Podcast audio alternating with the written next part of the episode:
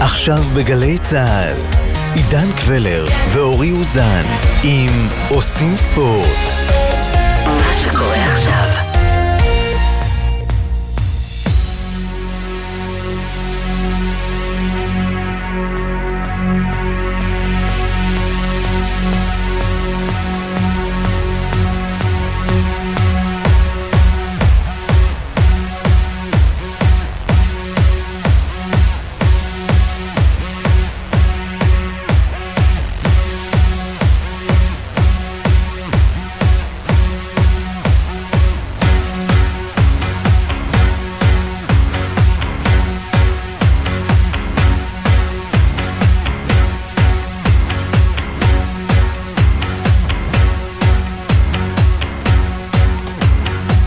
שבוע כל כך חיובי להתחיל ברטינות ובנרגנות?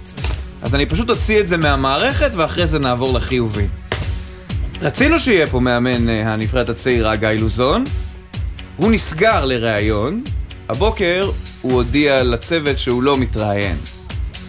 אני רק יכול להפליג במהמיית ליבי ומחויה קודח, שאולי הוא לא בדיוק רוצה לדבר עם אנשים שעלולים לאתגר אותו, וכבר אתגרו אותו ודיברו על אודות התנהלותו. אני לא מחבב את ההתנהלות של גיא לוזון, ידעתי שזו התנהלות שצפויה, לצערי נתקעו עם המינוי הזה. אה, לשמחתנו, למרות ההתנהלות וההתנהגות, עלינו, ברוך השם, דניאל פרץ ועוד עשרה שחקנים אה, שהיו בזמן נתון על המגרש, וזה נהדר. ואנחנו נמשיך לבלות ולהתגאות בנבחרת שלנו ובעבודה הנהדרת שנעשית שם.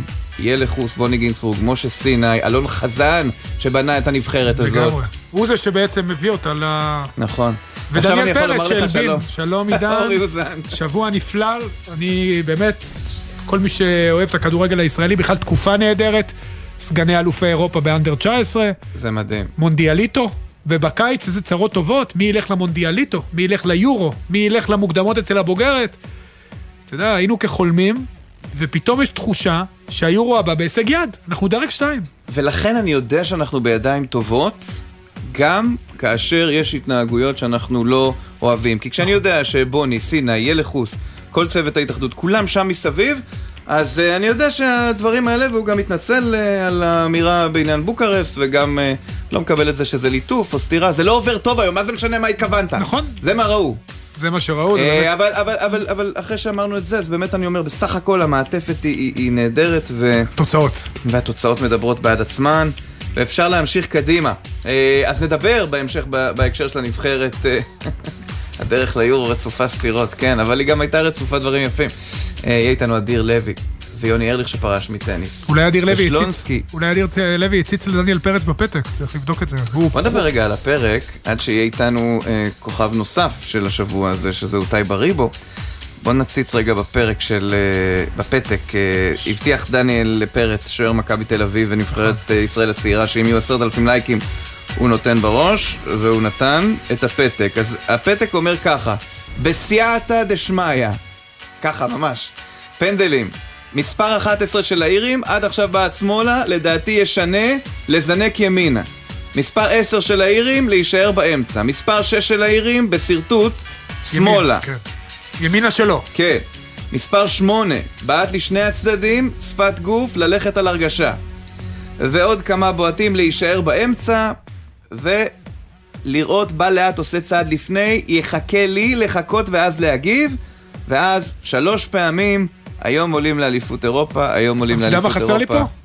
אני בועט שמאלה פצצה, ואני מבקיע את הפנדל השני. רק שתבין עם איזה ביטחון האיש הגיע. הוא הסתער על הבעיטה, אמר שימו אותי שני. מדהים, שזה נדיר, כי לא- אתה לא רוצה שהשוער יבעט מוקדם, ואז יחמיץ, וזה גם יוריד לו את הביטחון בשער. והוא עשה את זה, והוא... שוב, דניאל פרץ הוא עילוי. הוא היה עילוי מאז שהוא קטן, הוא אישיות יוצאת דופן, ובוא נהנה ממנו כל עוד הוא בארץ. מכבי תל אביב גידלה פה שני שחקנים שהם באמת טופ של הטופ, אחד מהם זה אוסקר גלוך, שעל החילוף שלו היו השגות, אבל הוא שחקן על וכבר שווה לטעמי נבחרת בוגרת, ודניאל פרץ, וזה תענוג גדול. וגם כאן יהיו צרות טובות, הנבחרת הבוגרת במוקדמות היורו. האם אה, דניאל פרץ, כשהוא פנוי מחובותיו בצעירה, או לחילופין עמרי אה, גלאזר, שראינו אותו בתצוגת שוערות. מצוינת. כן, נכון, נכון. מול אלבניה. סוף סוף, יש לנו, אתה יודע, בחירות טובות. כן, אז אנחנו מאוד מאוד שמחים וגאים. ופותחים עם אדיר לוי, שחקן מועדון ספורט אשדוד, והנבחרת הצעירה. שלום אדיר, ברכות. שלום, תודה רבה. כן, אדיר, קודם כל, עד לשנה שעברה היית שחקן אנונימי, נוער, לקחת אליפות. דרך אגב, אשדוד לקחו אליפות, הוא היה אחד השחקנים הכי מוכשרים וטובים שם. איך זה, איך ההרגשה פתאום, מ... אתה יודע, פרובינציאליות וליגה לנוער ואשדוד, אתה ביורו. יורו צעירות זה הישג באמת עצום של uh, כל העוסקים במלאכה, ואתה אחד מהם כמובן. כן, אני חושב שעשינו הישג עצום, אתה יודע, זה חלום של כל שחקן לקחת חלק בדבר כזה. Uh, לגבי השאלה, uh, בשנה הראשונה. שנה שעברה כאילו של הנוער, כביכול חצי עונה לא שיחקתי, הייתי, עברתי פציעה מאוד קשה, איזה 20 משחקים פספסתי, ועשיתי הכנות כדי לחזור לקראת הרגעים המכריעים של העונה. והתחלתי בהדרגה, לא החזירו אותי ישר אה, להתאמן בבוגרים ודברים כאלה. לפני כן הייתי כן מתאמן וחוויתי קצת בוגרים, אבל אה, לא ספק כן, השנה זה השנה הראשונה שלי, ופתאום ממצב כזה, מנוער לעשות את המעבר לבוגרים, זה, אתה יודע, זה הכל קרה פתאום מהר. בוא נשחזר לרגע את החוויה משבת. הוא נכנס שם- בדקה ה-98 בהערכה. שזה, שזה טוב, כי היה לך זמן לשחק. כן. היה לך 22 דקות. אה, אבל, אבל מעבר לזה, 22 אלף צופים נכון. במשחק של נבחרת צעירה. זה כמעט מונחי ליגת אלופות אם משווים את הפרופורציות של נבחרת צעירה. איך זה הרגיש? וואלה, הייתה אווירה מדהימה. האמת, אני כאילו, כביכול, אתה יודע, לא, לא חוויתי יותר מדי אה, רגעים, אולי קצת בטרנר, פעם ראשונה יותר אה, ששיחקתי, אולי קצת בלומפילד, הגביע הטוטו, אבל אה, אתה יודע, פתאום מהנוער שיש לך אולי 100 צופים במשחק, ופתאום להגיע לדבר כזה זה חוויה מנטלית, ואתה צריך לעבור את זה ולקחת את זה לכיוון הטוב ולא להילחץ. אה, באמת הייתה לנו תמיכה ממש מדהימה, הרגשנו את זה, ולא ציפינו האמת שזה יהיה ככה, הרבה שחקנים אמרו כן יהיה קל, לא יהיה קל, ובאמת, אה, הם היו השחקן ה-12 שלנו, ותמכו בנו, באמת לא ראיתי דבר כזה הרבה זמן. תגיד לי, אדיר, קודם כל מה מייחד את הנבחרת? ואני רוצה שתיקח אותנו... ש- אח- כן. אני חושב שמה שמאחד אותנו זה שקודם כל אה, זומנו הרבה שחקנים חדשים, ובאמת אני אחד מהם, ושחקנים היותר ותיקים קיבלו אותנו באמת בצורה מדהימה. אני תוך יום כבר הרגשתי שם בנוח, ובאמת ה- אני חושב שמה שמאחד זה הביחד, שאין פה אחד מעל כולם, וכל אחד, כולל מי שלא מתלבש, ו... ובאמת כאילו נמצא שם אחד בשביל השני, זה, זה, זה, מה שחזק בנבחרת לדעתי, אין פה מישהו שהוא מעל. יש הרבה כוכבים אמנם, שחקנים כאילו שהם כבר עשו את הקפיצת מדרגה, אבל uh, מה שמאחד זה הביחד, לדעתי. ותיקח אותנו לרגע של הפנדלים. הרי בפנדלים, שחקנים שמסיימים את המשחק עומדים כולם באמצע. אני מניח שגם ראיתם את דניאל לפני זה, אתם יודעים גם את היכולות שלו. תספר לנו את התחושות וגם, אתה יודע, את הרגע הזה שדוידה הבקיע, לאן רצים, מה עושים, מה מרגישים באותו רגע, איזה חלומות, איזה מחשבות רצות בראש. האמת שעמדנו ב-11 ועדן קרסב התחיל לדבר ואמר שלא משנה מה קורה, אנחנו עם הראש למעלה וכל אחד הרים ביטחון שהוא בועט ובאמת כאילו שידעתי שיש לנו שוער כמו פרץ שהוא באמת לדעתי השוער הכי טוב שיש כאן כרגע בארץ, הוא גלאזר אני חושב שהיה לי את כל הביטחון שבעולם, גם, גם אה, ביקשתי לבעוט, כאילו לא, לא היה לי בעיה לבעוט אה, ולגבי השאלה השנייה אושר שם את הגול, באמת אה, זה היה פתאום התפרצות כזאת, כולם לא יודעים לאן לרוץ, פשוט רצים, ובאמת ההרגשה, אולי זו ההרגשה הכי מדהימה שהרגשתי, שלקחתי חלק בדבר הזה. אתה יודע, אני חושב על רגעי הפנדלים, כשאתה יודע שיש לך שוער כזה שגם מסתער על הבעיטה השנייה ודורש לבעוט. אני מניח שזה מאוד משחרר את המתח, לא לגמרי כמובן, אבל בעיקר הרבה מאוד חששות מיתר הבועטים והשחקנים שעל הדשא. האמת, האמת שאני כאילו, כביכול אני עוקב כדורגל, אני רואה כבר מגיל קטן הרבה, הרבה ליגות, גם ליגה לאומית, גם זה, ודניאל עוד שהוא שיחק בביתר תל אביב, הוא היה גם בועט פנדלים של הקבוצה. אז כאילו, לא הפתיע אותי שהוא הוא דרש לבעוט וביקש, וידענו שהוא יודע לבעוט, ואני ידעתי שהוא יעשה את זה, אין ספק. ואדיר, ברמה האישית, מה מטרות העונה? יש, אתה יודע, אתה צריך, כל שחקן כמובן ששייך לנבחרת הזאת, וגם לנבחרת, אה, לנבחרות האחרות רוצה להגיע לקיץ עם הכי הרבה דקות, יהיה מאבק גם על הסגל. אתה מרגיש שבאשדוד אתה תקבל לאט לאט גם את ה... נכנסת עד עכשיו בעיקר כמחליף, האם אתה מרגיש שאתה יכול לקבל עוד דקות אתה יודע, להביא את עצמך לקיץ במצב שאתה אפילו נאבק על הרכב בנבחרת הצעירה? אני חושב ש... שללא ספק אשדוד זה המקום הכי טוב בשבילי לעשות את זה. נותנים פה הרבה במה ונותנים לי הרבה ביטחון גם לשחק. נותנים לי חופש, אני מרגיש מאוד משוחרר. אה, אני חושב שיש, שבאשדוד יש הרבה יותר סיכוי מכל קבוצה אחרת כמעט לקבל את ההזדמנות הזאת בתור שחקן צעיר שרק עולה מהנוער. ואין ספק, אני אעבוד קשה ואני רוצה באמת לעשות את זה בעזרת השם. אדיר לוי, שחקן מועדון ספורט אשדוד והנבחרת הצעירה, תודה רבה, המון בהצלחה. תודה, תודה לכם. והנה אדם שהקפיץ את כולנו בשבת האחרונה. זה בכלל, זה היה שבוע אה, כל כך כיף, מלא בשיאים. אז הצעירה היה ב... הייתה ביום שלישי, ועוד קודם לכן במוצאי שבת, שידרנו את זה כאן ב...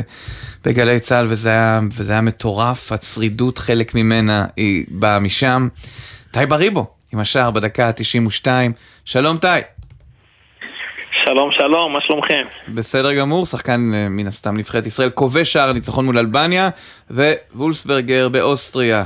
אתה, אתה כבר באוסטריה או שהחלון נמשך מבחינתך? כן, כן, אני כבר באוסטריה, יש לנו משחק כבר יום שבת. צפוף. חוזרים לרוטינה. חוזרים לשגרה, מהר מאוד. שמע, כן. אתה יודע שגם לעוט על הזדמנות צריך לדעת, וזה מה שאתה עשית. יש הרבה מאוד אנשים שהיו מקבלים את הכדור הזה במקום, בפוזיציה, בדקה, ומעיפים אותו לשמיים. אז אני מניח שגם זה חלק מהכישרון. קודם כל, אתה צודק, אני חושב שמתנות גם צריך לקחת. כמה פעמים היה לנו מתנות ולא לקחנו, נכון. ואני לא חושב ש...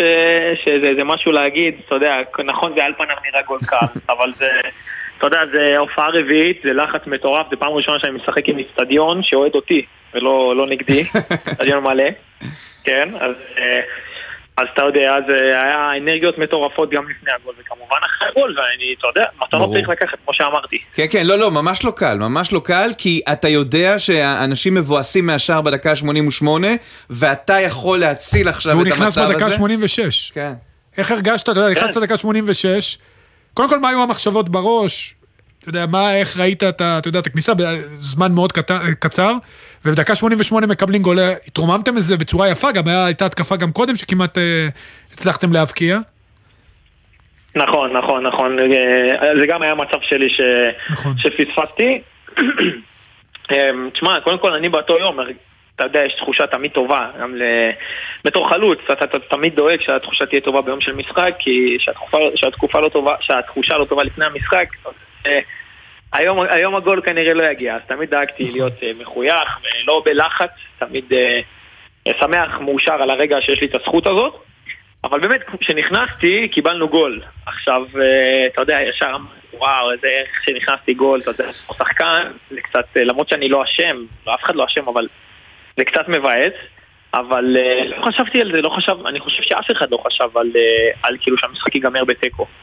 אני חושב שתמיד היה לכולם בראש שאנחנו יכולים לנצח את המשחק הזה. היה מספיק זמן. היינו גם הרבה יותר טובים, בהמון מובנים. אה, כן, היינו יותר טובים, היה שש דקות, שש דקות תוספת זמן. היה, זמן. קודם כל הגעת למשחק הזה בכושר מצוין, הבקעת שלושה משחקים ברצף. הייתה, כאילו, כן. אתה, שאתה היית, אתה הרגשת שאתה בתקופה הזאת שהכל הכל מסתדר לך? שכאילו גם אם אני אקבל ארבע דקות, שתי דקות, שמונה דקות, שש דקות, מתישהו זה ייפול לי? כן, הרגשתי את זה לגמרי. גם בוולסברג לדוגמה, אה, אם היה לי משחק פחות טוב, אבל ברוך השם הכדור אה, הגיע אליי ונתתי את הגול. הרגשתי שאני בתקופה טובה, במומנטום אתה יודע, ביטחון עצמי זה משהו שמאוד מאוד חשוב לשחק. לחלוץ במיוחד. והרגשתי, הרגשתי שההזדמנות שתהיה לי, אני אתן אותה. האמת שחשבתי שאני אתן עם הראש, אבל לא נורא, יצא טוב. די, תגידי, אני לא הרבה מכירים את הסיפור שלך, תפרט כמה שאתה רוצה, אבל זה סיפור, אתה יודע, שאתה גדלת כילד באילת, ואתה יודע, עברת מה שעברת בילדות, ואז עברת לראשון, זה, בשביל זה עשית את כל המאמצים האלה, אתה יודע, את כל, באמת, הקרבה העצומה הזאת, הרגע הזה, כמה, כמה הוא שווה את זה? הרגע הזה זה שווה... אני לא אגיד, אה, אתה יודע, קריירה שלמה, כי אתה יודע, הגול כבר היה, ואנחנו עכשיו מתמקדים במה שיהיה, לא במה שהיה, אבל תשמע, אחרי המשחק ראיתי קודם כל כמה, כמה אנשים שימחתי. אה, ראיתי את אבא שלי בוכה ביציע ואת המשפחה, זה רגע מדהים שאי אפשר לתאר אותו אפילו במילים, זה לא משהו שכסף יכול לקנות, זה משהו מטורף. בשביל זה, השחקנים מתחילים לשחק כדורגל. זה. לא בשביל התהילה ולא בשביל הכסף ולא בשביל שום דבר. בשביל לשמח ככה כל כך הרבה אנשים, לשמח את המשפחה. בכלל את אבא שלי שהוא עשה כל כך הרבה דברים בשבילי בחיים, בקריירה. אני, זה, זה זכות עצומה, עצומה באמת. ובשביל זה הם מתחילים לשחק. ועל זה אנחנו מדברים, טי, הילד בן ה-14 שטס מאילת, או בא באילת לראשון, ישן אצל אדם זר שהוא המאמן שלו, גדל, הופך להיות כוכב, ופורע את השטרות. אני מניח שזה גם גאווה, גם ההשקעה שמשתלמת בסוף. ואולי גם משהו שיורד לך מאליו, אתה אומר, הנה, עשיתי את זה. כן, כי ההקרבה של ה... אתה יודע, אתה רוצה גם שההקרבה של ההורים תניב. כן. ספר לי קצת על אבא, אתה יודע, ספר נכון. לנו על אבא קצת, כי... דיבר, גילוי נאות, דיברתי איתו אחרי המשחק, איש באמת יוצא דופן. זה המחשבה הראשונה הייתה כן. בראש, זה באותו רגע, אתה יודע. זה היה, זה היה הוא, זו היה, זו הייתה אמא שלי זיכרונה לברכה, וזה היה הקדוש ברוך הוא, אתה יודע. כן. שלושתם, חשבתי עליהם באותו רגע, לא, לא עניין אותי כלום, לא שמעתי כלום גם באצטדיון, רק הם בראש שלי. ובאמת אבא שלי זה בן אדם מדהים, מי שלא יודע, אבא שלי, אמ, כמובן הייתי בא בטיסות שאומרים אה, שלוש פעמים, ארבע פעמים בשבוע, לאימונים וחוזר, וביום שבת הייתי פה סופש, ואתה יודע, בתור ילד אתה משחק בשמונה וחצי בבוקר. אז אבא שלי היה יוצא בארבע וחצי, חמש וחצי, חמש בבוקר מאילת. בא למשחק, כל משחק, גם אם המשחק היה בקריית שמונה זה לא מעניין אותו, ואחרי המשחק אנחנו חוזרים. אנחנו חוזרים הביתה באוטו, וגם שלא הייתי גר בבית, הוא לא היה חסר לי כלום, כלום, הוא דאג לי לכל, כמובן שעזרו לו, אבל באמת, יש לי אבא, מה שנקרא, הכי טוב בעולם. איזה נטל זה על ילד? הכל, הכל מגיע לו. די, אבל זה כאילו מצד אחד, ב- אני מסכים, הכל מגיע לו. אני עם דמעות, כי אני מכיר אותו. רגע. איזה, אבל מבחינת הילד, זה, זה גם סוג של נטל? כי אתה אומר, בואנה, תראה, אני, אתה רואה מה אבא עושה בשבילי. אתה יודע, יש גם עוד אחים בבית, לא- יש עוד משפחה בבית, אז כאילו, נכון. יש איזה משהו, אני חייב להראות לו, והכל הגיע, כאילו, לא סתם זה הגיע לך, אני חושב, לאבא. האירוע, הרגע באמת הקסום הזה. אני לא חושב שזה עניין של חייב לו, זה אני חושב שזה עניין של אני רוצה את זה כל כך בשבילו. כמובן רציתי את זה בשבילי גם, אבל אתה יודע שאני עולה למשחק, וגם עכשיו עזוב את הדמעות שלו ב, ב, בגול של הנבחרת, אבל גם פה בוולסברג, שאני נותן גול, ואני רואה כמה, כמה הוא מאושר מדבר כזה, אתה יודע, זה, זה שווה הכל בחיים. זה לא, לא, אין, אין עוד משהו שמשתווה לרגעים האלה שאתה משמח את המשפחה ככה על סף דמעות. אתה יודע, אני אין לי ילדים, כולם אומרים לי שה- שהילדים אה, מצליחים, אז, אה, אז זו השמחה הכי גדולה שאפשר, יותר מכסף, יותר מ- מכל דבר אחר. אז אצלי כרגע זה, זה האבא, בעזרת השם יהיו לי ילדים, אולי זה יהיה גם וגם, אבל אצלי האבא זה, זה הכל. כשאני רואה אותו מאושר, אני מאושר, לא משנה מה קורה לי בחיים. אתה רואה איזה יופי זה כדורגל? לגמרי, משהו לגמרי, מיוחד. ואפשר ללמוד מה- מהסיפור שלך, טי. אין ראוי ממך. זה מה שיש לי להגיד. כיף לשמוע, כיף לשמוע, תודה רבה לכם. טי, תודה רבה שדיברת איתנו, ושוב הצלחת לרגש אותנו. אולי אפילו יותר מהגול. התרגשנו, כי בגול התלהבנו, צרחנו, שמחנו, אבל עכשיו ממש התרגשנו וקיבלנו פרופורציות לחיים. אז תודה רבה, בהצלחה. תודה רבה לכם, תודה רבה. שמחתי לדבר איתכם. להתראות. תודה רבה. והנה עוד אחד שנותן לנו פרופורציות. כן. יוני ארליך, וואי, זה רצף של ראיונות מרגשים היום, וזה ממש. זה נחמד. אה, יוני ארליך, שפרש אתמול, באיזה מעמד מכובד, כשנובק ג'וקוביץ' לידך. שלום, יוני. כן, שלום, צהריים טובים. פרופורציות זה חשוב בחיים, לא? מאוד. כן, כן. שנתון כן. 77. חשוב גם. שנתון 77. תשמע, זה... יוני, מה, איך... איך... אה, קשה, קשה לסיים. הרגשה? בדיוק, קשה. אה, אה, כן. מה מרגישים, יו, אתה יודע, ובכלל, עד כמה היית בטוח לקראת אתמול ש- ש- שתצליח לשחק? כי, כי כאילו, אה, הייתה תחושה שבונים על זה, אבל בעצם סחבת את הפציעה הזאת, זה היה טורדני מאוד. על זה שיהיה משחק, הכוונה. כן, לא, זה כבר תקף אותי, קיבלתי התקף של, אה, של הדיסק כבר ביום ראשון בערב. ומאיזה פעם ראשונה חוויתי את זה, היה לי הרבה פעמים אה, התקפים של כאבי גב, אבל זה היום יומיים, קצת כדורים, זריקה, אתה עובר את זה.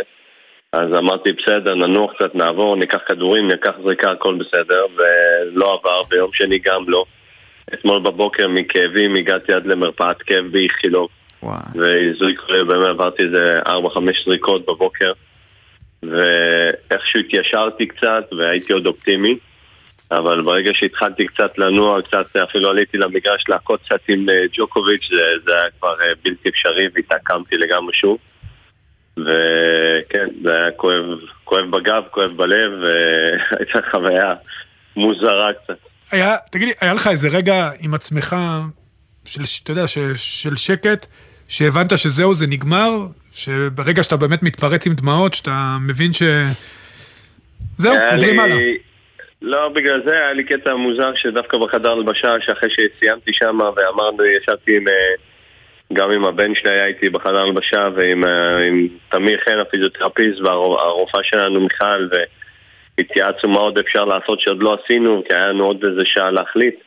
אולי נעשה עוד זריקה, אולי עוד כדור, לא יודע מה, מה, מה שאפשר, אפילו רק בשביל לעלות, אה, לסיים את המשחק ושם כזה באמת היה רגע של התפרצות של אה, כאב ובכי ו- ותסכול והכל ביחד. והיה קטע מאוד אה, קשה, כואב. אבל לא, עוד לא היה לי את הרגע השקט הזה, עוד לא עיכלתי לגמרי, הטורניר עדיין פה, עדיין אה, באמת אה, שגם איזה טקס פרישה ביום שבת, אז אני גם כזה מתכונן אליו. וזה אתמול לעלות למגרש זה היה ספונטני לגמרי, לא הייתי אפילו חייב לעשות את זה, אבל אמרתי שהרגשתי שאני חייב לעשות את זה לקהל שבא ורצה לראות טניס ובא במיוחד, ל- קנה כרטיסים במיוחד בשביל לראות אותנו. חשבתי שזה המינימום, זה לבוא ולהתנצל ולדבר לקהל ולהגיד להם אה, מה קרה. ונולה בטח אה, ובטח שבא, הוא לא היה חייב לעלות, אבל הוא נתן לנו את הכבוד הזה להיות חלק אה, מהחוויה הזאת, וזה הוסיף באמת לעוצמה ולכבוד, וכן. זה היה מדהים בעיניי. זה היה כמו מחווה ממש. לאומן כזה, אתה יודע. כן, כן, זה בכלל זכינו בכלל בארץ שהוא בא לישראל לטורניר הזה ולקהל שהיום הוא נכנס למעגל המשחקים לקהל שיצא לו לראות, זה חוויה לראות אחד הספורטאים הכי גדולים שהיו בחיים בעולם, בטח ובטח בטניס, שיהיה להם אה, באמת present לראות אותו בכל כך קרוב בתל אביב, בעיר שלנו, זה תהיה חוויה מדהימה. אתה יודע, יוני היחיד שלקח איתו תואר בזוגות, זה היה ב-2010 בקווינס. הקשר נשמר מאז יוני? או ש... כלומר, זה לא אנקדוטה, זה לא, דבר חשוב, אבל השאלה. נשמר, כן. הקשר נשמר, ה bonding שלנו מאז אה, היה לנו bonding ממש טוב. אה, מדי פעם היינו קצת יוצאים לארוחות ערב, וכל פעם בטורנירים אה, תמיד מתרואים ומדברים וצוחקים, ותמיד היה לנו bonding טוב. ולא סתם הוא הסכים, לבוא לשחק פה, לשחק איתי זוגות פה, שבדרך כלל הוא לא משחק את הזוגות, בטח לא בטורנירים האלה. אבל אה, זה הייתה אחת הסיבות, ואנחנו הולכים אה, long way ביחד הרבה שנים. וזה באמת היה מכובד, אני יכול לומר לך שאני צפיתי בזה בטלוויזיה והרגשתי כאילו הוא, הוא עושה לי באופן אישי כבוד. זאת אומרת, כצופה, אתה מבין? זאת אומרת, מכבד אותנו, מאוד, את יש. המעמד. וזה זה היה מאוד כן. מרגש. יוני, אצלך, אבל למרות שבסוף זה, זה כואב כי צריך, כי יש קאט, אבל האם הקאט, החיתוך הזה של הקריירה, לא בא באיזשהו פיוד? אתה הכנת לך כבר את החיים שאחרי? אתה רואה כבר מה, מה יהיה? כן, מהשנה הזאת זו הייתה מין בשבילי, ידעתי שבסוף השנה הזאת אני אסיים את, ה, את הקריירה, גם שנה שעברה כבר חשבתי אולי, והייתה לי שנה די טובה שנה שעברה, אז אמרתי אני אנסה, אבל מהר מאוד האמת שבשנה הזאת, מכבר מרץ, אני סוחב עם כאבים בגב, אה, לעיתים תכופות, וגם בתאומים וגם בגיד אכילס, ממש הגוף שלי נתן את אותותיו, וידעתי שזה כבר לא זה, אז... אה, אה, הרגשתי שאני צריך כבר לעשות משהו אחר, אז אני כבר בשני מסלולים שונים שכבר מכין את עצמי ויודע פחות או יותר לאן אני נכנס, ויום אחרי כבר יש לי מין מסלול שאני נכנס אליו ישר, ועוד כמה פרויקטים שאני רוצה בראש להתחיל לפתח ולעשות. אם יש, יוני, רגע בקריירה באמת היוצא דופן שלך, שהיא- שאתה חוזר אליו, ואתה אומר, כמו שטי בריבו יחזור בטח לשער הזה שדיברנו עליו, שאתה חוזר אליו ואומר, זה הרגע ששינה לי, את- רגע הדלתות המסתובבות שלי. מה הרגע הזה? קל מאוד, זה קל, אתה- אני לא יודע כמה אתם יודעים את הסיפור חיים של אנדי ושלי, אבל הרגע שב-2003 הוא מתקשר אליי, אה, כשהייתי באנגליה, בכלל לא הייתי בלונדון, הייתי בצפון אנגליה, סיימתי איזה טורניר, וממש הייתי, מבחינתי, ממש על סף פרישה, והוא מתקשר אליי בלונדון, שהוא שחק מוקדמות ליחידים ולווימבלדון, ואמר לי, בוא, אם אתה כבר בדרך ללונדון אה, הביתה, תבוא, תעצור בלונדון, בוא נשחק מוקדמות ביחד. והסיפור זה ארוך ומאוד אמוציונלי, אבל אין לנו זמן לזה כרגע.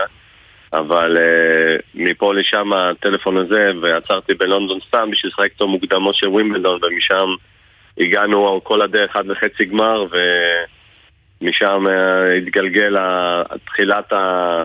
הקריירה של אנדי יוני ב-2003 מווימבלדון. כולל התארים. אני זוכר את הטורניר הזה באופן ספציפי. כמובן, כן, גם לא רק כי. כולם התחילו לדבר עליכם בעקבות ההישג, אלא נחתתי במקרה ברגילה האחרונה שלי שם, והסתננתי לווימבלדון, ממש ככה, אורי. אה, אתה אומר? כן, כן, בעיקר אנדי היה שם פנוי, אתה, אותך לא ראיתי, אבל זה- זה היה כבר, ואנדי שיחק בגמר באותו יום, נכון? של הזוגות המעורבים, זה גם היה. אנדי גם הגיע לגמר זוגות מעורבים באותה שנה. כן, בקיצור, כן. זו הייתה שנה חלומית, כאילו. זה- באמת אה, תחילת הדרך. זה דלתות מסתובבות, אם לא. הייתי עונה לו לטלפון, או שהייתי אומר לו, עזוב אנדי, כבר אין לי כוח לזה, אני חוזר הביתה, אני מעדיף לא לעשות את זה. אז היום כנראה... לא היינו הייתם מדברים. בדיוק. זה גם הגמר הראשון של פדרר מול פיליפוזיס, בכלל, זו הייתה שנה היסטורית, ככל שאנחנו מסתכלים על זה אחורה עכשיו. כן. לגמרי, יוני, אה. אתה רואה, אתה עכשיו גם כמובן קפטן גביע דייוויס, איך אתה רואה את העתיד של הטניס הישראלי כשכל ה... בעצם כל הדור הגדול הזה שהגיע לחצי גמר גביע דייוויס כבר, מה שנקרא כבר לא, כבר אה, אחרי. כן, דור הזה כבר אה, אחרי כבר כמעט עשור, גם הראל, גם אנדי. לא, אבל אתה עוד השארת. אתה עוד החזקת טיפה את אני עוד הלפיד. נשארתי אז כאילו עוד אה, אחרון המוהיקנים של הדור, אבל אתה רואה שעידן לשם מראה ניצוצות של טניס טוב, גם בגביע דייוויס הוא שיחק טוב נגד שחקנים במאה הראשונה בעולם, וגם עבר פה מוקדמות, שיחק נגד שחקנים אה, במאייה השנייה בעולם, והתמודד איתם וניצח. הוא מראה יכולות, גם ישי אוליאל אה, הראה הרבה פעמים ניצוצות של טניס טוב בגביע דייוויס נגד דרום אפריקה, שניצח שחקן 25 בעולם. אז כך שהם מראים את הניצוצות האלה, מראים את היכולות האלה. ואני מקווה שהם, אני. אני, אני מאמין שרק אם אחד מהם יצליח כזה להתברג, לשבור את המחסום של ה-200 הראשונים בעולם, השני ייגרר אחריו ופתחו יותר, אחד צריך לשבור את התקרת זכוכית שלהם, ואחד יגרור את השני כמו שקרה איתנו, ואני מקווה מאוד שהם יצליחו.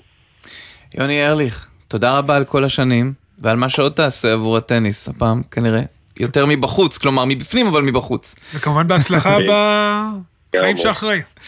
תודה תודה רבה, רבה לכם, תודה רבה רבה. כבר נשוב.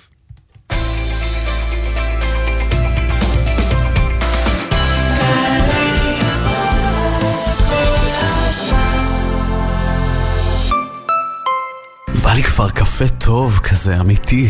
בא לי כבר ארוחה טובה כזו שורשית. בא לי כבר מוזיקה, מעיינות, סיורים מרתקים. קבלו, זה כבר קורה.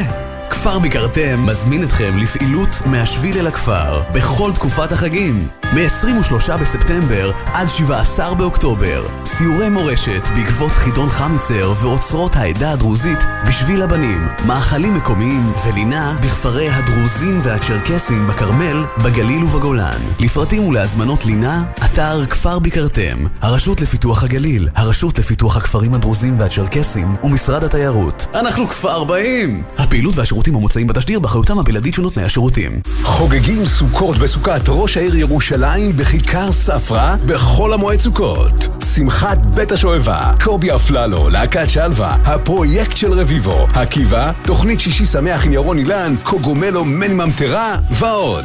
קבלת פנים במעמד ראש העיר משה ליאון ורעייתו תהיה ביום שלישי בין 4 ל-6. חוגגים סוכות בירושלים. כל האירועים באתר עיריית ירושלים. שישי בשש, סוף סוף קצת שקט. אפשר לשמוע ציוץ של ציפור, רשרוש של עיתון, נחירות של שנץ, אבל כדאי לשמוע את שש בשישי. אנשי תרבות, חברה וספורט באים לאולפן גלי צה"ל עם שש תובנות, גילויים חדשים או סיפורים אישיים מהשבוע החולף. והפעם, תמר איש שלום. שש בשישי, מחר, שש בערב, גלי צה"ל. עכשיו בגלי צה"ל, עידן קבלר ואורי אוזן עם עושים ספורט. שלונסקי שלום. אהלן, אהלן. אני בבקשה. אפתח בטוב, אני אסיים פחות טוב. או-אה. ראיתי את נבחרת ישראל הצעירה בכדורגל, מאוד נהניתי. אחלה שחקנים, נראה לי ממש נבחרת מוכשרת מאוד, באמת נבחרת מוכשרת, באמת, נהניתי מאוד מהמשחק. אבל אה, אני רוצה משהו להגיד על לוזון, דווקא בעניין הסתירה, אני די, כאילו אני חי עם זה בסדר, זה באמת לא הייתה ממש ממש סתירה, ועשו מזה עניין גדול. הבעיה היא שהמאמן נראה לי, איך אני אסביר את זה, על גבול הפרחחות, בכלל בהתנהגות שלו לאורך זמן.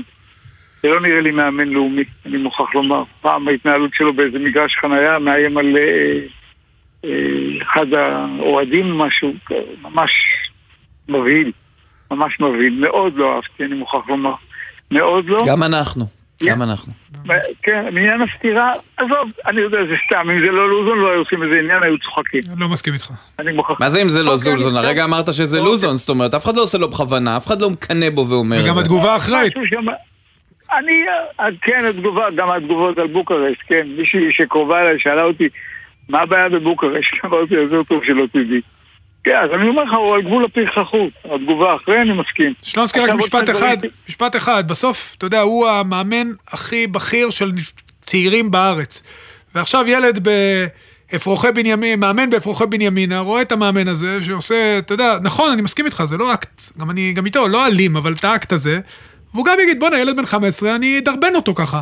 זה נראה לך משהו שהוא סביר? אני לא חושב, אני חושב זה שזו טעות. זה נראה- אני במ- היה פה ואפילו משהו לא הייתה התנצלות, אפילו לא הייתה התנצלות, ולא הייתה הודעה בטעות. אחרי זה, לא יודע, לא... לא, עם, עם אה, מורגן אין בעיה, הבעיה היא בנראות של זה, בסוף שזה מצולם. כן, אני, אני. אני אומר לך, אם זה לא לוזון זה עובר, אבל בסדר. עכשיו רגע, יש לי שני סיפורים שלא שייכים זה לכדורגל. לא לוזון, זה לא קורה. אז ראיתי ברי- בריין אדמס אה, כועס שמוצאים את הנבחרת שלנו, מהנבחרת שלו, מהטור דה פרנס, ואז הוא מציע לעשות טור דה פרנס שלו. כי יש באמת גבול לחוצפה, ואפילו לטיפשות, כאילו, וגם לכסף, כאילו...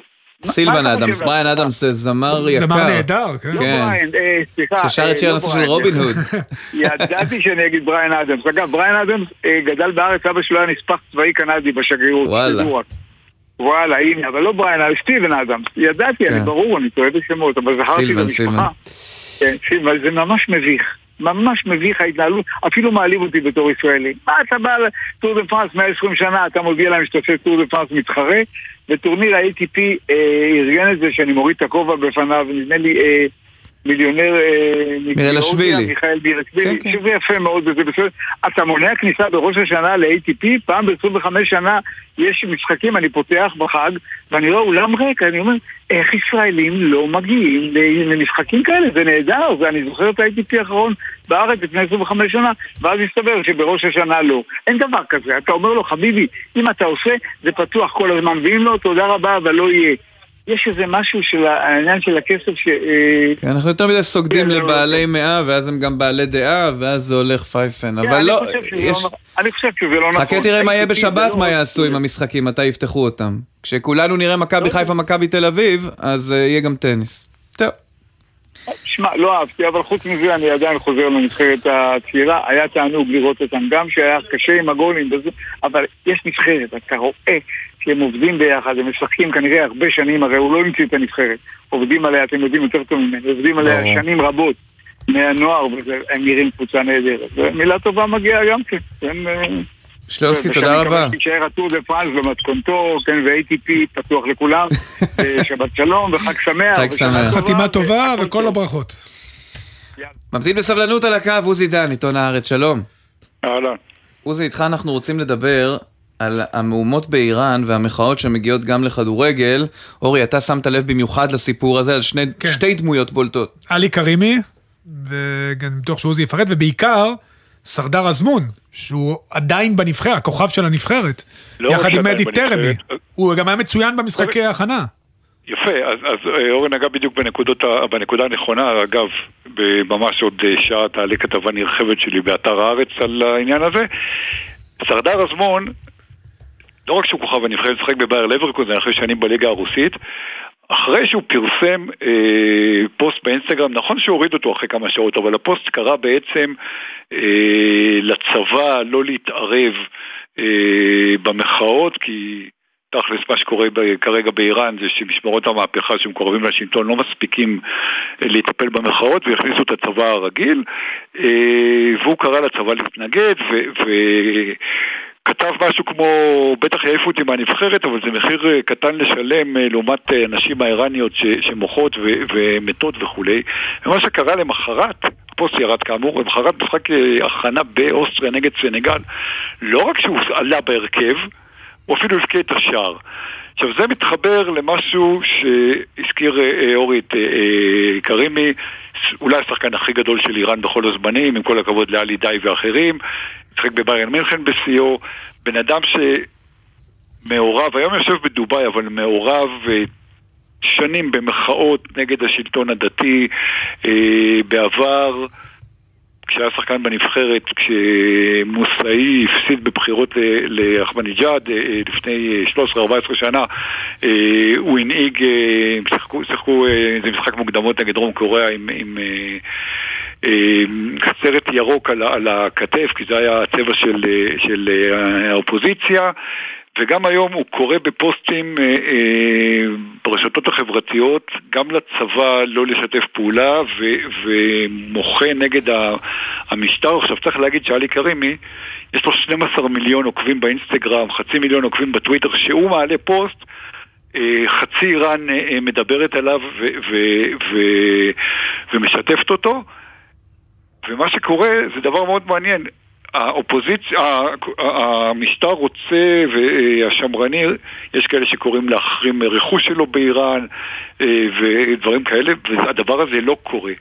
הוא לא קורה, ואותו דבר הזמן לא מושעה מהנבחרת, כי המשטר מפחד, מפחד מאוהדי הכדורגל. אוהדי הכדורגל איראן, כמו הרבה מקומות בעולם, הכדורגל זה הדת האמיתית. מיליונים של אה, אוהדים, איראן כמובן תהיה במונדיאל בקטר, אנחנו חודש וחצי, חודשיים לפני מונדיאל, המשטר מפחד שאם ייכנסו גם באנשים כמו עלי כרימי או אה, אזמון, המחאה רק תגבר, ואני חושב שאולי, אולי, קשה לדעת, אולי דווקא דרך הכדורגל, אה, זה יהיה מין סוג של, של ה...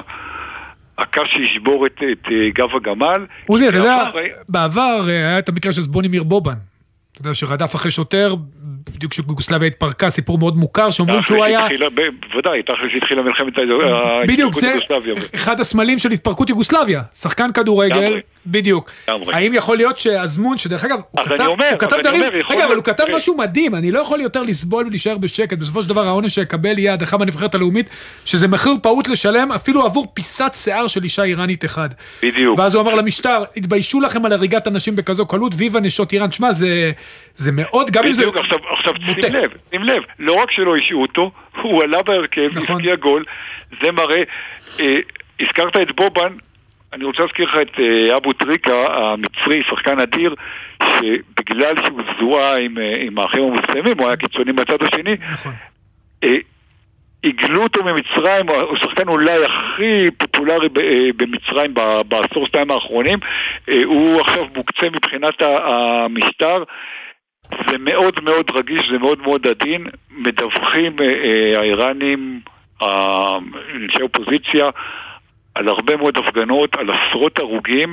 אה, אני חושב, אני חושב שלקראת המונדיאל, ואולי אפילו במונדיאל עצמו יגיעו הרבה אוהדי, אוהדים איראנים, אבל לא אוהדים מאיראן, אלא אוהדים אה, גולים מארצות הברית ומקומות אחרים איראנים שהם בעצם אופוזיציה ל, ל, לשלטון, יכול להיות שימחו גם, למרות שהמונדיאל בקטר, אז אני לא יודע כמה הקטרים אה, ירשו את זה, אבל אה, בוא נגיד לא נאמרה המילה האחרונה. מעניין. שמע, סיפור סיפור, ממש. והמונדיאל, דרך אגב, 80, אמורים להיות עשרות אלפי איראנים שמגיעים לקטאר. זה מאוד קרוב. אז זה מה שאני אומר, זה מה שאני אומר שרובם לא מגיעים מאיראן, רובם, רובם מגיעים, מי שהיה במונדיאלים קודמים, המון, למשל בברזיל, ברוסיה, הגיעו המון אוהדים איראנים. איראנים שהם בארצות הברית, משפחות, אפילו דור שני. אתה יודע, עוזי, ישבנו, עוזי, ישבנו באיראן, באיראן, ישבנו ברוסיה, שידרנו את המשחק איראן-מרוקו. ואני ונדב... הייתי במשחק הזה, נכון, בסן נכון. פטרסבורג. ואני ונדב ישבנו אה, בבית כן. קפה. ישבנו בבית קפה, ובא אלינו, ישבו לידינו שני אנשים, ואמרו לנו, השפה שלכם מוכרת מאיפה אתם? אמרנו ישראל, דיברנו איתם, לא דמונים, והם אמרו לנו, באופן אבסורדי, אנחנו אוהדים של פר, פר, פרספוליס, ואנחנו מכירים קבוצה אחת בישראל, ביתר חרוסלם, האוהדים שלהם כמו האוהדים שלנו. אז אתה יודע, בסוף... אנחנו לא כאלה... לי יצא לדבר עם איראנים בברזיל, במונדיאל בברזיל, אה, משחק של איראן נגד אה, בוסניה, אם אני זוכר נכון. שוב, הרבה מאוד אנשים שהגיעו מארצות הברית, אה, חולה כדורגל, ובסוף בסוף, איך אמר אה, מוטי זיכרונו לברכה, הכל אנשים, הכל אנשים. גם אה, אם זה אוהדי כדורגל מאיראן או מקטר או מכל מקום בעולם. נזכיר שעד המהפכה, ישראל ואיראן זה היה אפילו טוב יותר מאשר ישראל-טורקיה היום. נכון. זה היה מערכת יחסים קרובה מאוד. עוזי דן, הארץ, תודה רבה. תודה עוזי. להתראות. עוד מעט בהמשך התוכנית, יונתן גריל יביא את סיפורה של הסוכנות הישראלית למניעת סימום בספורט והחשש שיהיו עיצומים על ישראל. לא כי אנחנו הפכנו פתאום לצפון קוריאה או רוסיה, אלא כמו שלפעמים קורה אצלנו, טכני. ליפול על הטכני. תקציבים, ניירות, טפסים, רישוי, דברים מהסוג הזה.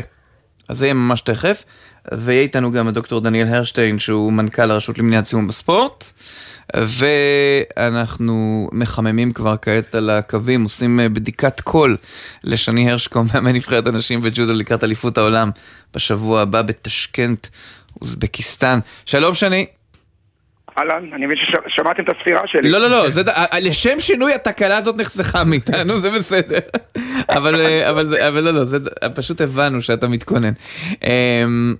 לא, אני סופר יפה, זה בסדר. כן, כן, אני, אני משוכנע. אה, תראה, אנחנו מדברים על אליפות העולם בשבוע הבא. כל אליפות בג'ודו, אבל בטח אליפות עולם היא, היא תחרות שכבר הציבור הישראלי משתוקק לקראתה. תן לנו ככה קצת מורה נבוכים, מה אנחנו יכולים לצפות מהאליפות הזאת? תשמע, קודם כל גם אנחנו משתוקקים לקראתה, זו התחרות ה... הכי חשובה השנה וגם היא נדחתה מכל מיני סיבות ממש כמעט לסוף השנה, זה בכלל הופך את ה... יכול להפוך את השנה הזאת למשהו מאוד מאוד אה, כיפי, כי נבחרת כל נבחרת הנשים אה, עשתה שנה מאוד מאוד מוצלחת. אנחנו אמנם אה, משתדלים לחשוב מתחרות לתחרות, אבל אם צריך לסכם את השנה עד הנקודה הזאת, אז נבחרת הנשים כנראה נמצאת בפוזיציה הכי טובה שהיא הייתה בה מאז שאני בתפקיד, ואפשר להגיד גם בכלל. אז כמובן שיש לנו ציפיות גבוהות. אז אנחנו מצד שני מציאותיים, מבינים שציפיות גבוהות זה דבר טוב. יש גם לך ציפיות גבוהות, אז זה אומר שאתה כנראה שווה. אבל uh, בסופו של דבר זה אליפות עולם, יש עוד נבחרות מאוד מאוד חזקות, שגם עושות תחנה מאוד מאוד טובה. אנחנו תמיד שואפים לחזור עם, אה, עם מדליה, אם אפשר עם מדליות, ואם זה יקרה אז אנחנו נהיה מאוד מאוד מאושרים. Hey, יש את ה... מי המועמדות העיקריות? יש את האחיות פרימו, יש כמובן טימנה לא, נלסון לוי. קודם כל, קודם כל, האחיות פרימו זה לא ישות אחת, יש... לא, בסדר, הם לא ישות, הם ברבים אמרתי. לא, זה שהם אחיות זה לא אומר שהם באותה פוזיציה. הם גם לא באותו משקל אפילו. הם לא באותה קטגוריה, כן, נכון. הם גם לא באותו גיל וגם לא סוחבות על הגב את אותה כמות משחקים. אז קודם כל, אה, יש לנו שתי ספורטאיות שמדורגות במקום הראשון בעולם, שזה הדירוג העולמי הוא לא... הוא לא משהו נתון שאומר שבכל תחרות אתה מסיים מדליית זהב, אבל אומר שמחברים את כל התוצאות של השנה האחרונה, אז יש לנו את אה, רז הרשקו במשקל אה, מעל 78 קילוגרם, ואת אימן לסולבי שהיא גם אלופת אירופה ב-57 קילוגרם, וכמו שציינת, את גפן פרימו, גפן בשנה שעברה סיימה עם מדליית ארד באליפות העולם. יש לנו את ענבר לניר שמדורגת שנייה בעולם.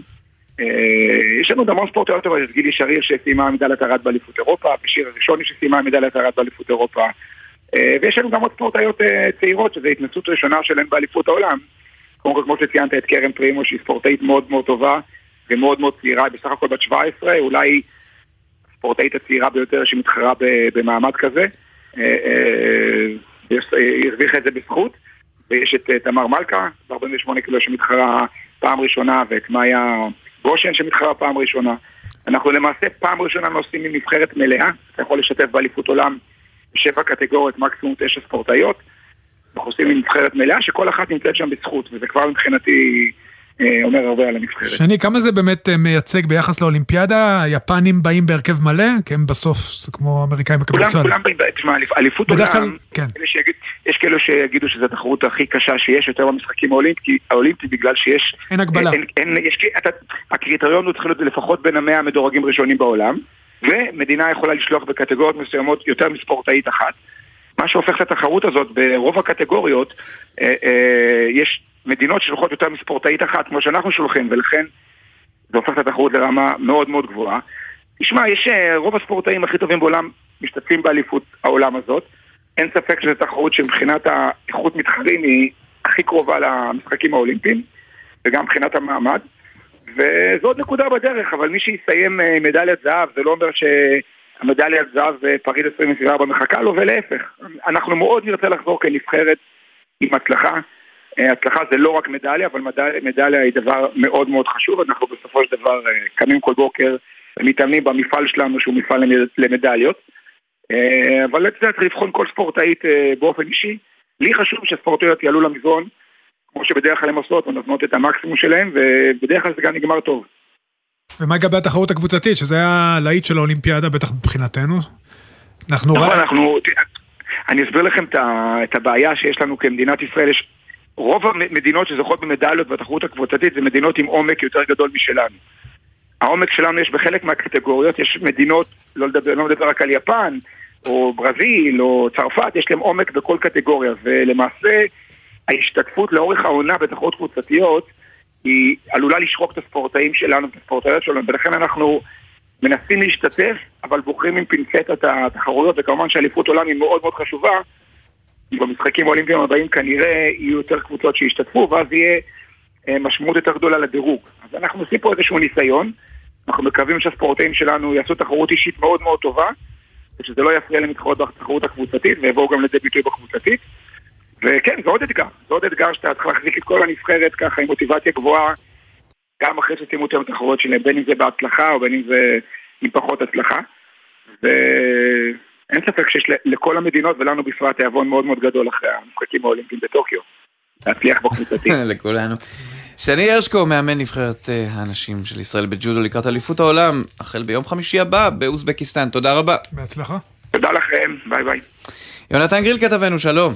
שלום עידן אה, ואורי, אז אה, עכשיו אנחנו מגיעים לדבר על נושא שלא כל כך עלה לכותרות אה, בזמן האחרון והוא עשוי לגרום באמת לנזק אדיר לספורט הישראלי.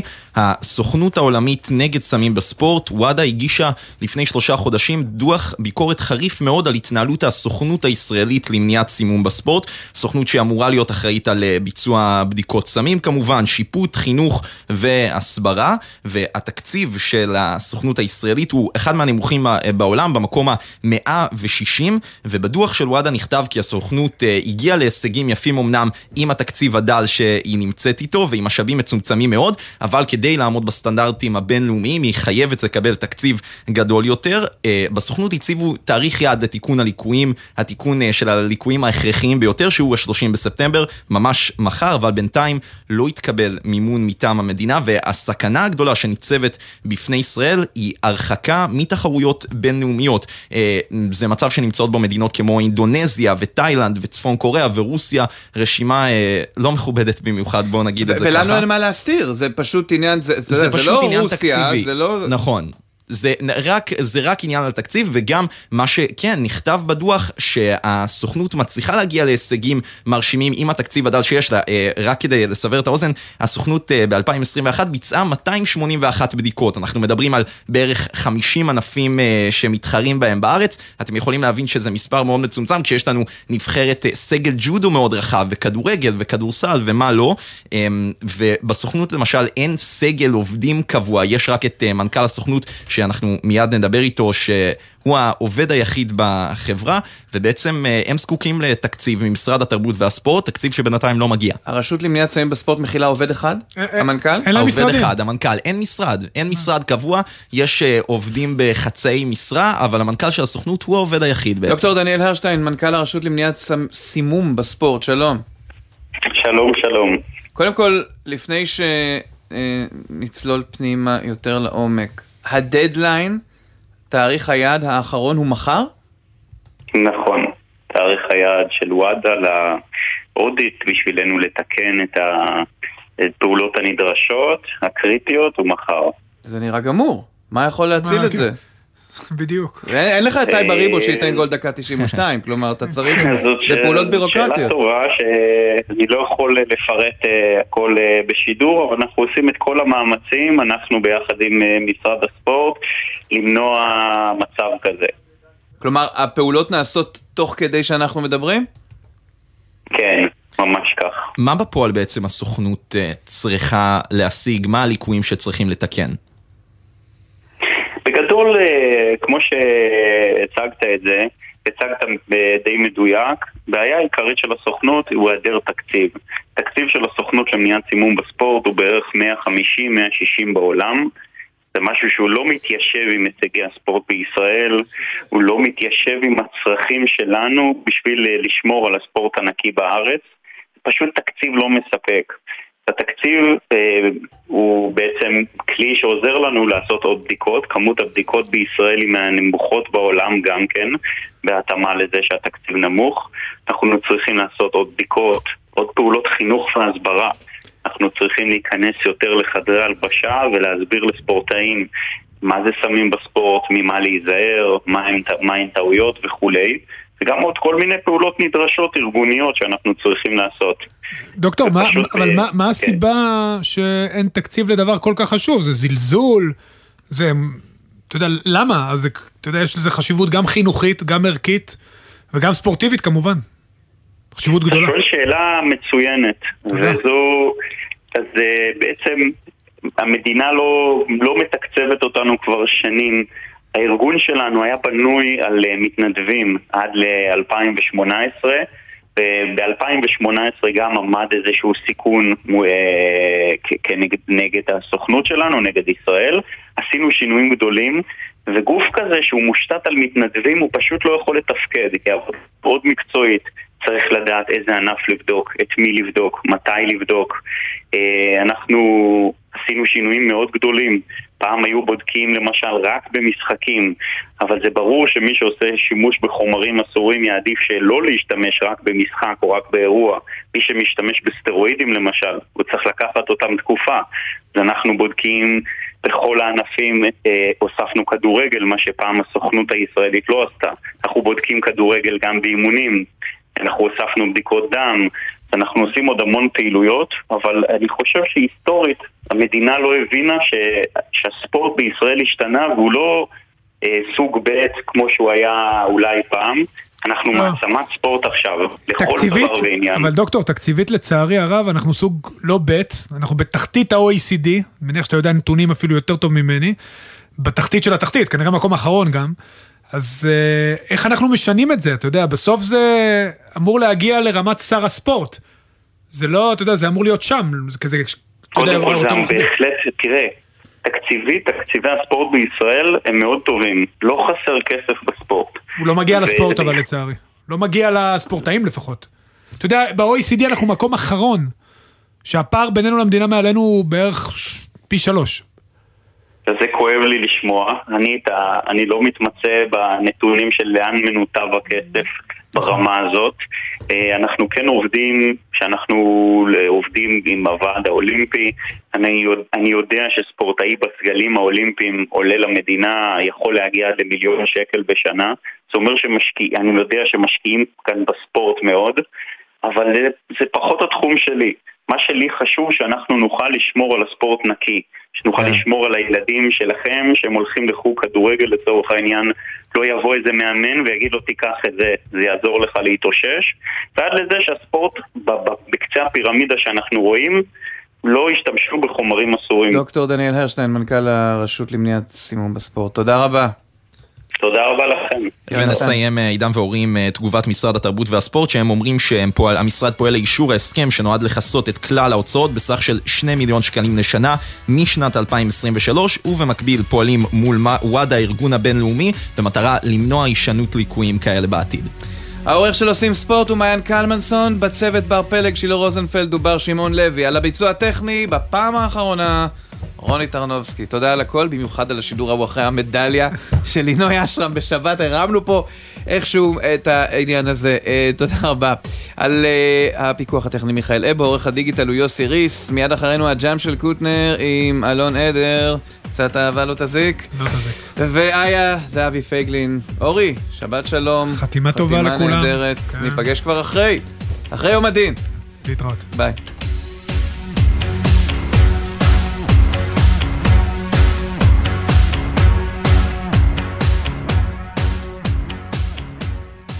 בחסות אוטודיפו, המציעה מצברים לרכב עד השעה תשע בערב בסניפי הרשת, כולל התקנה חינם. כי כדי להחליף מצבר, לא צריך להחליף לשעות עבודה יותר נוחות. אוטודיפו. מה נשמע, נשמע, סוף השבוע, הבית של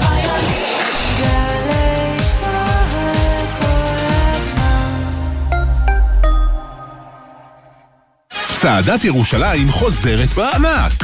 בואו לחגוג ולצבוע את העיר במסלולי בוקר מרהיבים, הפנינג חגיגי, מצעד צבעוני וססגוני, מופעים ופעילויות לילדים, וגם הפרויקט של רביבו. יום חמישי, י"ח בתשרי, 13 באוקטובר, חול המועד סוכות. להרשמה ופרטים נוספים, היכנסו לאתר עיריית ירושלים. תגידו, לא נמאס לכם לשמוע על עוד תאונת עבודה במפעל? לא נמאס לקרוא על עוד עובד שנהרג באתר בנייה? ולא רק העובדים בסכנה, גם אנחנו. כשזה נמאס, זה נמאס. די! כל אחת ואחד מאיתנו יכול למנוע את התאונה הבאה ולהציל חיים. ראיתם מפגע בטיחות? תדווחו. קו החיים, המוקד הלאומי לדיווחי סכנה, כוכבית 9214, או באתר המוסד לבטיחות ולגאות. המוסד לבטיחות ולגאות, דואגים לכם כאן. בשלישי, ערב יום הכיפורים, שדרני גלי צה"ל חוזרים על שנת 1973. ב-12 בצהריים, רזי ברקאי בשיחת נפש עם האלוף במילואים ויושב ראש הסוכנות היהודית דורון אלמוג. ובאחת, זיכרונות מהמלחמה. טלי ליפקין-שחק משוחחת עם לוחמי מלחמת יום הכיפורים. גמר חתימה טובה מגלי צה"ל. כל שבת ב-10 בבוקר, יורם סוויסה לוקח אתכם למסע מוזיקלי. והשבוע, מסע עם עברי לידר. יכול להיות שגם צריך להיות מוסד שהוא לא הרבנות שיאפשר לי נישואין. אם אני אסע לניו יורק ואני אחזור עם תעודה שהתחתנתי, כמובן שיכירו את זה. אז זה קצת מבאס, אני אגיד את האמת. אולי אני אלך להתחתן בבית כנסת הגדול. שם אקוסטיקה פגז. שנתראה רק בשמחות. מסע עם יורם סוויסה, שבת 10 בבוקר, ובכל זמן שתרצו, באתר וביישומון גלי צה"ל. שנתראה רק בשמחות. מיד אחרי החדשות, יואב קוטנר.